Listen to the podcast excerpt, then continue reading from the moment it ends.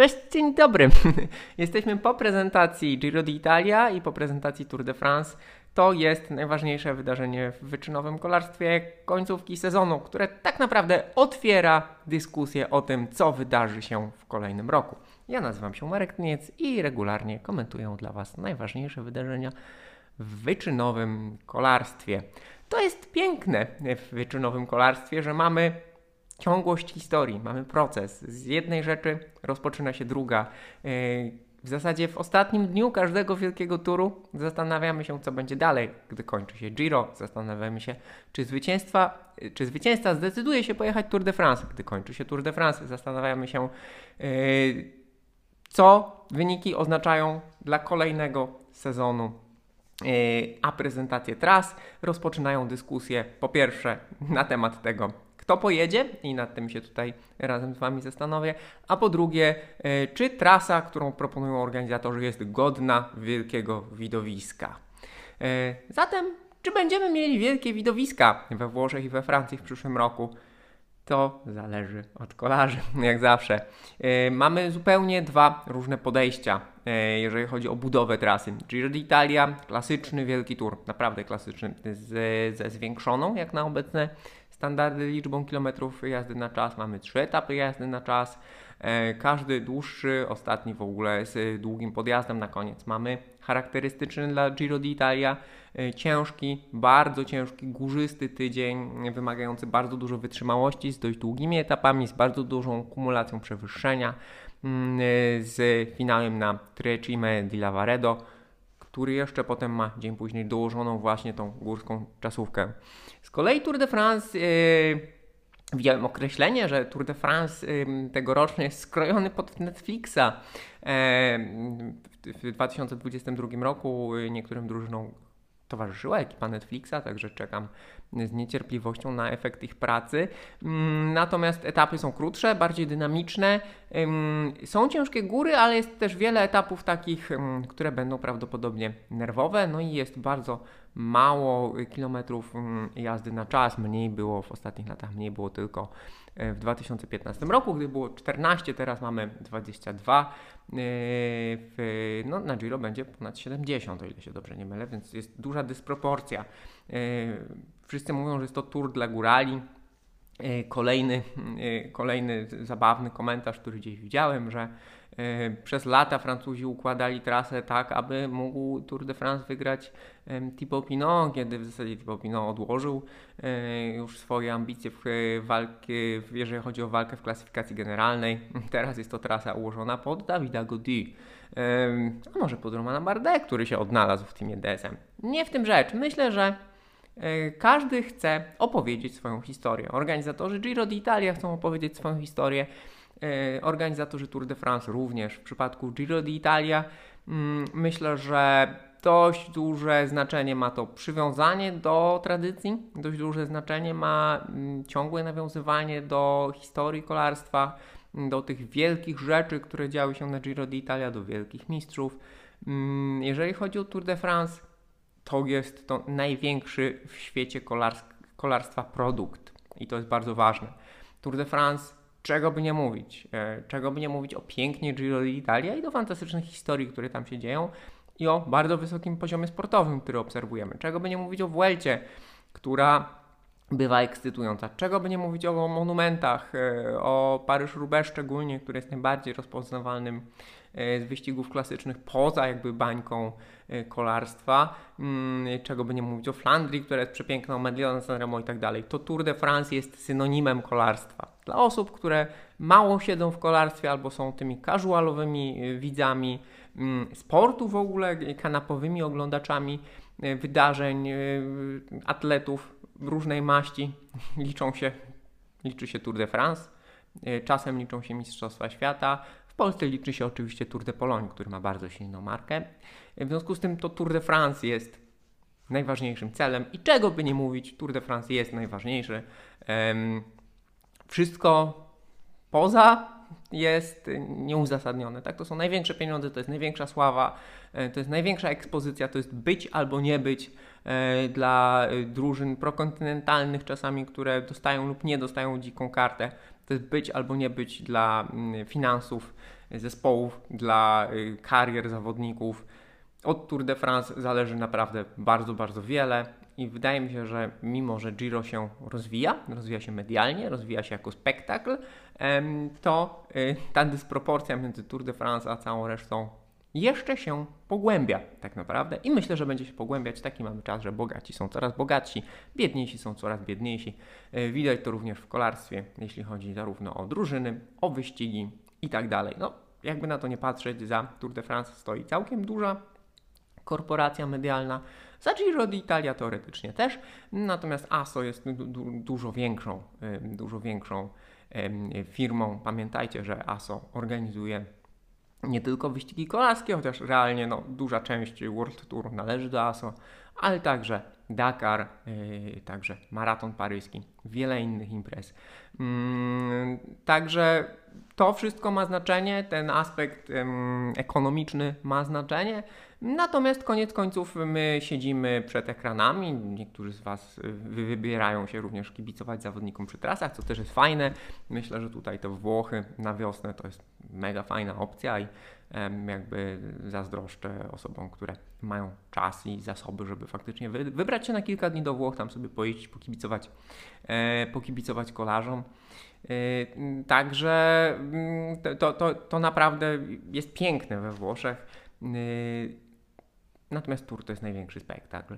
No i cóż, jeśli chodzi o, o, faktycznie o trasy, e, one się e, między sobą faktycznie bardzo różnią, co też wpływa na to, że mm, jest duża dyskusja na temat tego, e, kto powinien pojechać gdzie. Mm, no bo mamy trzech, trzy główne postaci, tak? Mamy Pogaczara, Winegora i Remco Evenpoola. Remco Evenpool znakomicie jeździ na czas, pokazał, że jest w stanie wygrać wielki tour.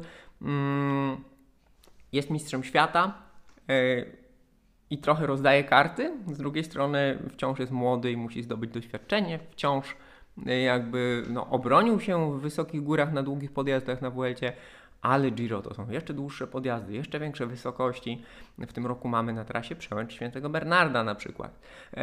Z kolei Pogaczar, teoretycznie najlepszy kolarz obecnie w peletonie, natomiast no, przegrał Tour de France z Inegorem, popełnił trochę błędów w trakcie tego wyścigu e, i no, jechał bardzo aktywnie, bardzo agresywnie, natomiast Jonas Negor był ewidentnie najlepszym zawodnikiem w górach e, w zeszłym roku.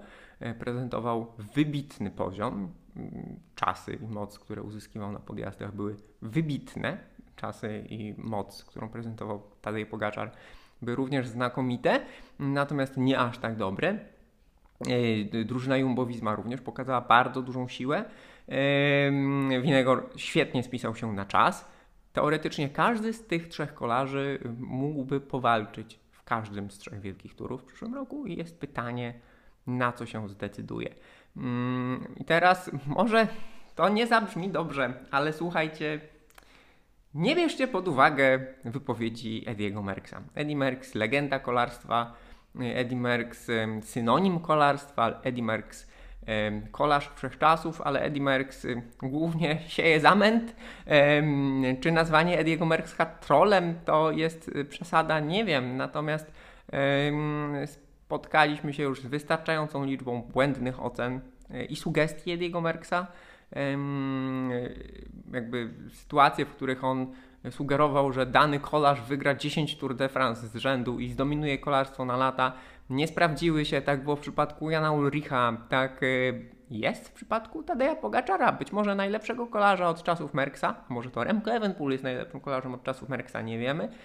W każdym razie Tadej Pogaczar miał zdominować Tour de France na lata i już trzeci Tour de France przegrał. Wygrał dwa Tour de France z rzędu jako bardzo młody człowiek, więc to już samo w sobie jest wybitnym e, osiągnięciem ale znalazł się zawodnik, znalazła się drużyna, która go pokonała. W związku z tym realnie mamy trzech równorzędnych graczy, którzy mają różne zalety, które mają, którzy mają różne drużyny. E, drużyna Quickstepu powinna się tak naprawdę, myśląc o wsparciu dla Evenpoola, przekwalifikowywać. To już się dzieje ze specjalistów klasyków i ze specjalistów brukowanych klasyków na drużynę, która jeździ wielkie tury i wspiera swojego lidera w wielkich turach. Póki co nie mają na tyle budżetu, żeby zbudować dwie dywizje w swojej ekipie równie mocne i na klasyki, i na Tour de France. Wszyscy mówią, że Evenpool powinien pojechać Giro d'Italia, bo jest więcej kilometrów jazdy na czas. Z drugiej strony mówią, że nie powinien jechać Giro d'Italia, bo są za duże góry. Z trzeciej strony, i to jest fajna opinia, którą gdzieś widziałem, już nie pamiętam gdzie dokładnie, ale zakładając, że ktoś jest wielkim talentem, jest w topowej formie, jedzie na Giro d'Italia i je wygrywa, mimo krótkiej przerwy, powinien próbować jechać Tour de France. Mm, I powinien jechać Tour de France z myślą o, to, o tym, żeby je wygrać. Czy mu się to uda, czy nie? Było wielu takich, którzy polegli. Poległ Contador, poległ Froome, ale byli w stanie odegrać ważną rolę w tym Tour de France. Bo myślę, że planowanie obu to jest bardzo duże ryzyko. Y, planowanie wygrania obu to jest bardzo duże ryzyko. W związku z tym y, było wielu, którzy może mieli takie plany w głowie, ale im się to nie udało. W związku z tym y, wydaje mi się, że zarówno Evenpool, jak i Pogaczar powinni spróbować pojechać w Giro d'Italia, powinni spróbować pojechać Giro d'Italia, a potem powinni się rzucić na Tour de France. Pogaczar nic nie ryzykuje. Pogaczar już wygrał dwa razy Tour de France. próby odbijania turu tylko po to, żeby odbić tour Oczywiście z marketingowego punktu widzenia mają duży sens, ale równocześnie z, marketingu, z marketingowego punktu widzenia, ale myślę też ze sportowego punktu widzenia, dużo ciekawszą historią e, byłaby ta, kiedy Pogaczar jedzie na Giro d'Italia, walczy w Giro d'Italia, jeśli wygra, to próbuje pojechać w Tour de France. Choć wciąż jest bardzo młody i wciąż ma na to czas. Może to jest za wcześnie dla obu. Winnego również jest młody. E, I tak naprawdę to, to jest ta główna narracja. Bo czy trasa Tour de France jest e, nudna, mało ciekawa, że jest dużo płaskich etapów. Nie mamy jeszcze wszystkich przekrojów, to też jest ciekawe. Myślę, że Tour de France, Giro d'Italia, trasa Giro d'Italia mm, e, wygląda na dość przewidywalną. Po pierwsze mamy e, wszystkie profile, po drugie mamy tak, takie highlighty, główne punkty. E, mamy y, ciekawe etapy mm, górzyste, które przypominają wyścigi klasyczne. Zresztą i Tour de France, i Giro d'Italia tutaj mają coś ze sobą wspólnego, bo mm, Giro d'Italia e, będzie się ścigać w okolicach Bergamo, czyli tam, gdzie Giro di Lombardia. E, natomiast y, Tour de France przejedzie, zaczyna się w kraju Basków. Jaski Bell będzie, będą jechać, czyli to będzie takie mini, mini klasika San Sebastian. W związku z tym Tutaj te nawiązania do wyścigów klasycznych również są, a ponieważ są nawiązania do wyścigów klasycznych, to oznacza nerwy. Yy, szczególnie we Francji. Pamiętacie yy, to rozpoczęcie w Brytanii, gdzie wiele się mówiło, że są wąskie drogi, jest niebezpiecznie, kręto i tak dalej hej, spodziewajmy się tego samego w kraju Basków, a może jeszcze bardziej, bo będzie więcej górek, będzie więcej wiatru, będzie bardziej niepewna pogoda. Do tego, do tego za chwilkę będą Pireneje. Pireneje bardzo, bardzo wcześnie, może nie bardzo trudne. Wszyscy mówią, że hej, znowu marnujemy Tourmalet, bo podjazd do mety po Tourmalet będzie niezbyt trudny. Ale dzień wcześniej jest Marie Blanc y, i niby meta na zjeździe, ale ostatnio, kiedy kolarze byli na Marie Blanc, to etap był świetny. Mamy Pój do dom, masyw centralny, masyw centralny zawsze jest ekscytujący. Pój do dom wraca po wielu, wielu, wielu latach, podjazd legenda, mm, zapowiada się ekscytująco. Alpy wyglądają świetnie, mm, mimo że właśnie poza Pój do dom nie ma legend na trasie Tour de France. Trasa Tour de France jest zaskakująca. To legendy są na trasie Giro d'Italia, ale to jest to, o czym zacząłem mówić. E, Giro d'Italia E, żyje historią. Giro d'Italia odtwarza historię. Tour de France wbrew pozorom eksperymentuje i Tour de France y, na zmianę nawiązuje do tych wielkich legend, a czasami prezentuje coś nowego. W tym roku prezentuje w większości coś nowego i to jest bardzo, bardzo fajne. E, ja bym nie skreślał Tour de France pod względem spektaklu, bo to, czy mamy spektakl, czy nie, na Tour de France zależy przede wszystkim od tego, jak pojadą zawodnicy. Na Giro d'Italia różnie, tak? Tutaj jest, jest piękniej i wszyscy jesteśmy bardziej głodni wielkich turów, natomiast realnie w zeszłym roku Giro d'Italia jakieś super pod względem emocji nie było. Była bardzo wyrównana stawka, to była bardzo wyrównana stawka tych nie największych gwiazd. E, Hindley wygrał rewelacyjny sposób, prezentując ekstremalnie wysoki poziom sportowy, no ale Tour de France zmiótł wszystko, zmiótł wszystko pod względem rywalizacji sportowej, poziomu sportowego, no i jednego z tych słynnych pojedynków, bo pojedynek e, Pogaczara z Winegorem, te upadki e, na jednym z finałowych etapów, ten gest, gdzie jeden na drugiego poczekał, a potem poszedł pełen gaz, to przejdzie do historii kolarstwa. I teraz nie spodziewajmy się, że przyszłoroczny Tour de France e, będzie lepszy. Prawdopodobnie pod względem sportowych emocji Tour de France 2023, bez względu na to, jaka by nie była trasa, będzie gorszy niż Tour de France 2022. Z kolei Giro d'Italia pod względem e, sportowych emocji e, powinien być ciekawszy. Ma bardzo zbalansowaną trasę, ma kilka legendarnych podjazdów, mm, a rywalizacja w 2022 roku była na średnim poziomie, jeśli chodzi właśnie o ten poziom emocji i ekscytacji. Mm, zatem znów może być tak, że po Giro dostaniemy coś, e, będziemy w pełni, będziemy w euforii, jeśli chodzi o to, co się działo e, i te emocje na Tour de France trochę siądą i będzie narzekanie, że jest stypa, że kojarze, kolarze jadą pasywnie, że jest za mało górskich etapów, jest bardzo dużo górskich etapów i będzie dużo więcej gór niż tylko to, co jest przedstawione na, na do tej pory zaprezentowanych profilach. Natomiast to będą ucieczki, to będzie jakaś rywalizacja na wietrze.